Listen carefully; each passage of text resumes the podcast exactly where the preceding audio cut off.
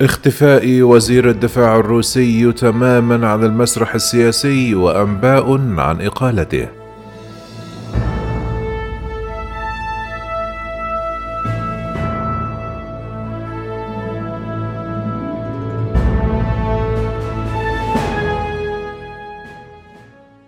ظهر وزير الدفاع الروسي سيرجو شويجو آخر مرة عندما التقى في الحادي عشر من مارس الجاري بنظيره التركي في موسكو ومن وقتها اختفى من كان نجم النشرات الإخبارية وله إطلالات يومية فيها ولم يعد يظهر في أي مناسبة إلى أن بدأت مصادر في الكرملين تلمح منذ يومين أن سويغو البالغ من العمر 66 عاما يعاني من مشكلة في القلب فيما تعتقد مصادر غربية أنه انتهى بعملية تطهير خاطفة شنها بوتين وشملته وربما بأسوأ.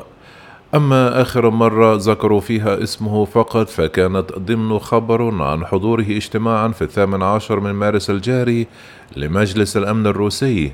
لكن لم يتم نشر أي صورة أو مقطع فيديو عن الاجتماع بل ظهرت صور له في الأخبار عن لقائه قبل سبعة أيام بوزير الدفاع التركي بحسب الوارد اليوم الخميس في صحيفة التايمز البريطانية. في الصحيفة أيضا أن آخر ظهور علني له مع بوتين كان في السابع والعشرون من فبراير المنصرم عندما أمر بوضع الترسانة النووية الروسية في حالة تأهب قصوى. ومن الشارحين في مواقع التواصل الروسية والأوكرانية لأسباب اختفائه.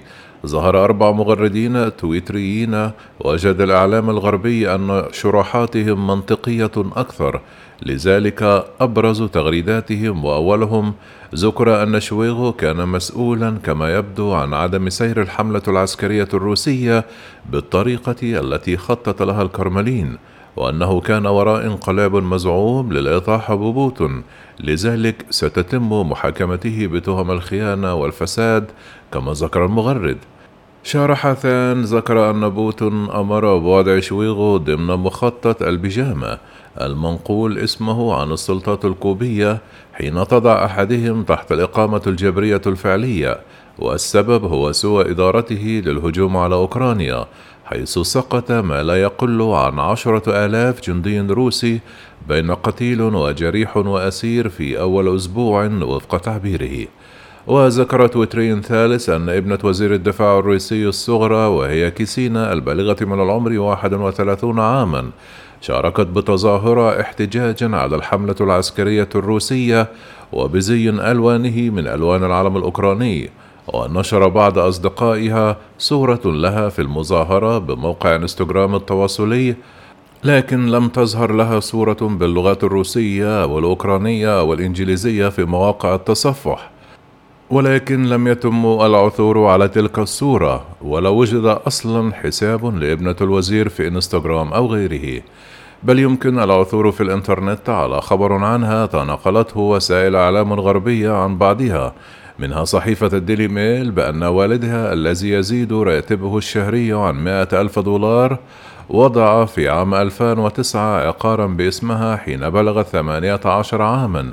مساحته تسعة آلاف متر مربع في ضاحية بارفيخا الأفخم قرب موسكو وعاد في عام 2015 وسجل باسمها فيلا ضخمة وفاخرة بموسكو أيضا قيمتها 18 مليونا من الدولارات.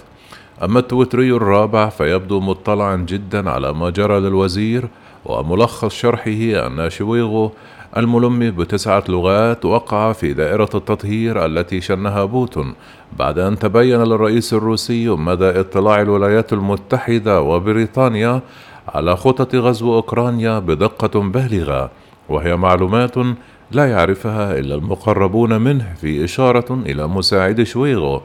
ذكر أيضا بتغريدات أخرى أن الرئيس الروسي فلاديمير بوتون لا يستطيع أن يفهم كيف أن الموالين لروسيا في أوكرانيا لم يخرجوا إلى الشوارع لتشجيع دخول القوات الروسية ولم يساعدوهم في القضاء على المدافعين عن المدينة. كما لا يفهم الرئيس الروسي كيف يجلب الرئيس الأمريكي جو بايدن كل خططه في الحرب قبل نقل الأوامر إلى القوات الموجودة على الأرض وأنه غاضب جدا من تسريب خططه العسكرية ومقتنع بأن التسريب هو سبب فشل الاستيلاء على كييف مع قوات النخبة في اليوم الأول من الغزو. لذلك أقال الرئيس الروسي فلاديمير بوتين وزير دفاعه شويغو أو وضعه ربما في الإقامة الجبرية أو زج به خلف قضبان سجن روسي.